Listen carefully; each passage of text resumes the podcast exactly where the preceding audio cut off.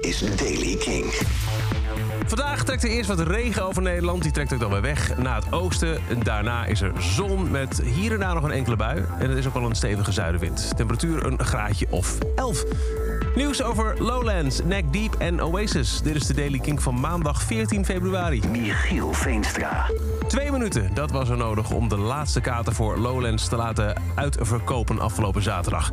Er was al een pre-sale, een week eerder voor mensen die in 2020 en 2021 kaarten hadden en ze moesten inleveren. Hoeveel kaarten er nog beschikbaar waren na die eerste pre-sale, dat wilde de organisatie niet zeggen. Maar goed, twee minuten en ze waren weg. In totaal zijn er 60.000 tickets verkocht. De rockband Knock, eh, Neck Deep is bestolen. Afgelopen week is er ingebroken in hun bandbus in Acton, dat is in West London. Ehm, er is heel veel eh, gejat. Nou is er wel wat te eh, vervangen voor een komende tour, zegt de band. Maar veel van de gitaren hebben wel een grote emotionele waarde. Op social media heeft Neck Deep meer informatie gedeeld en de vraag: weet je meer? Help ons alsjeblieft.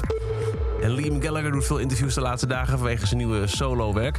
In The Times, een interview met The Times, heeft hij gezegd dat het, als het aan hem ligt, absoluut een mogelijkheid is om Oasis weer bij elkaar te brengen. Als het gebeurt, dan gebeurt het. Ik zou het graag zien gebeuren, maar ik ben ook wel best blij met mijn solo-carrière.